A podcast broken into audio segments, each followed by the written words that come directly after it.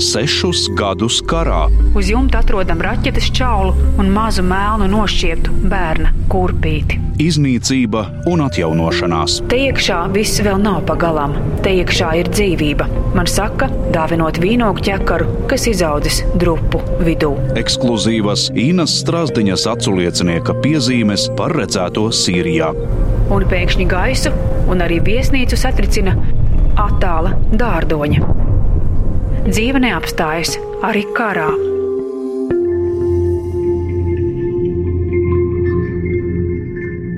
Pirmais ieraksts Sīrijas dienas grāmatā Damaskas pērkons. Es sēžu baltā pavecā Mercedesa markas automašīnā.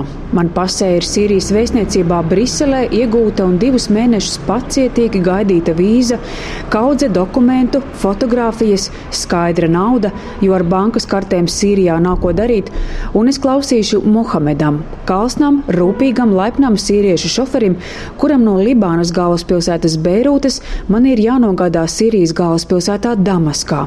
Šo ceļu viņš zina no galvas kravas, jo mēro neskaitāmas reizes nedēļā, tādēļ, ka lidostas Sīrijā nedarbojas, bet braucēji pāri robežai netrūkst. Mūsu ceļš ar Muhamedu izvēršas gan raips. Pēkšņi automašīnā atslēdzas kondicionieris, tad nosēžas akumulators. Kad spēkrats atkal atdzīvināts, pie pašas robežas Mohameds konstatē, ka līkņājot ap iepriekš saplīsušo auto, no kabatas ir izslīdējuši personas dokumenti. Es viņu mierinu, ka tā gadās, ka viss būs labi, jo atzīšos, šis būs ceļš, kuru visa tā garumā paveikšu ar pašai pārsteidzošu iekšēju nesatricināmu mieru un pilnīgu paļaušanos. Inšallah, tā bieži saka vietējie, jeb lai notiek dieva prāts, te citādi nemaz nevar.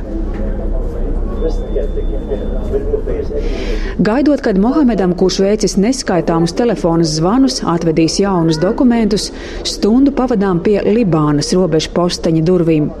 Apsargi man piedāvā vienīgo ar brūnu mākslīgo ādu apvilktu krēslu, cienā ar ūdeni no milzu pudeles, vēlas zināt, kur ir Latvija, un es stāstu, cik daudz vien varu.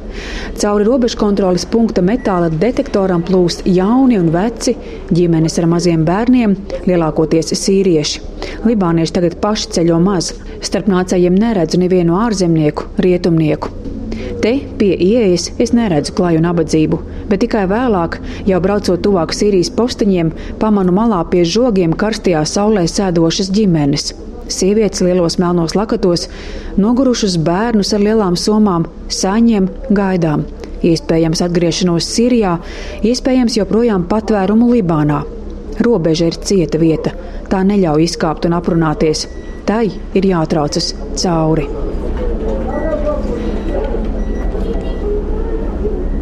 Sīrijas robežas postenis ir līdzīgs tam, kāds ir Libānas pusē. Liela, vaļēja, četrkantīga ēka ar plašu telpu, kuras galā sarindoti lodziņi.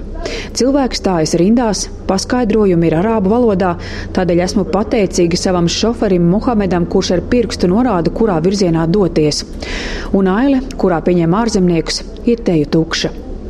Process, par kuru biju bažījusies, notiek neticami ātri. Manu pasi sīriešu robežsargi pēta, šķirsta, bet ieraudzījuši vīzu, ilgi nevilcinās. Un drīz ar spāgu blīkšķi pret pases lapu, kurā tā nodrukāta, noklaudz zīmoks. Vienīgais nosacījums man kā žurnālistei, iebraucot Damaskā, to daļa ir jāsazinās ar informācijas ministriju. Manam šoferim tiek iedota lapiņa ar personas vārdu un telefonu.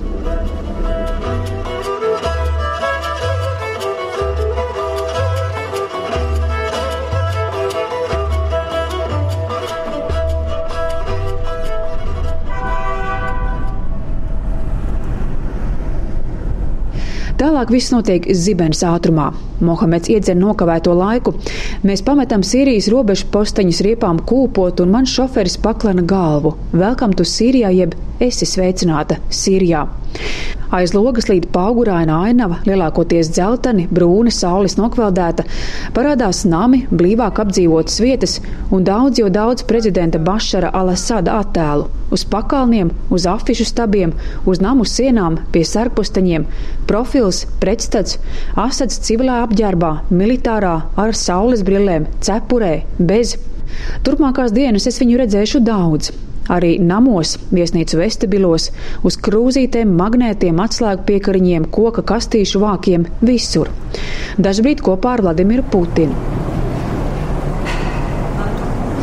Pēc piecu stundu garā ceļa pierupojam pie viesnīcas.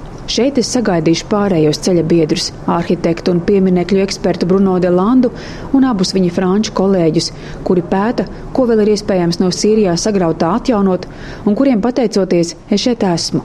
Viņi atbrauks pēc dažām stundām, un tieši šeit es piedzīvošu arī pirmo tā saukto Damaskas pērkonu.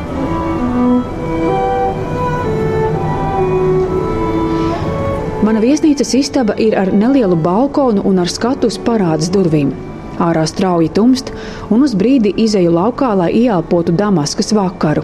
Lejā, blakus ārā restorānam, spēlē stīgu kvartets. Četri vīri tumšos uzvalkos. Viņu repertuārā ir smalka, mierīga mūzika, kas uz brīdi liek piemirst, kādā vietā un pilsētā esam. Un pēkšņi gaisu un arī viesnīcu satricina attāla dārdoņa.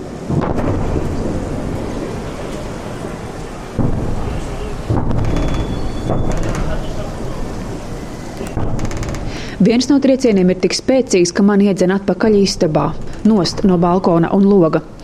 Tas augtais Damaskas negaiss. Vēlāk teiks viens no maniem pieredzējušajiem ceļabiedriem. Damaskā ir teritorijas, kur nocietinājusies opozīcija, un Sīrijas armija joprojām tās bombardē. Nav vakara, ka to nedzird, dažkārt tālāk un klusāk, dažkārt tuvāk, skaļāk un spēcīgāk.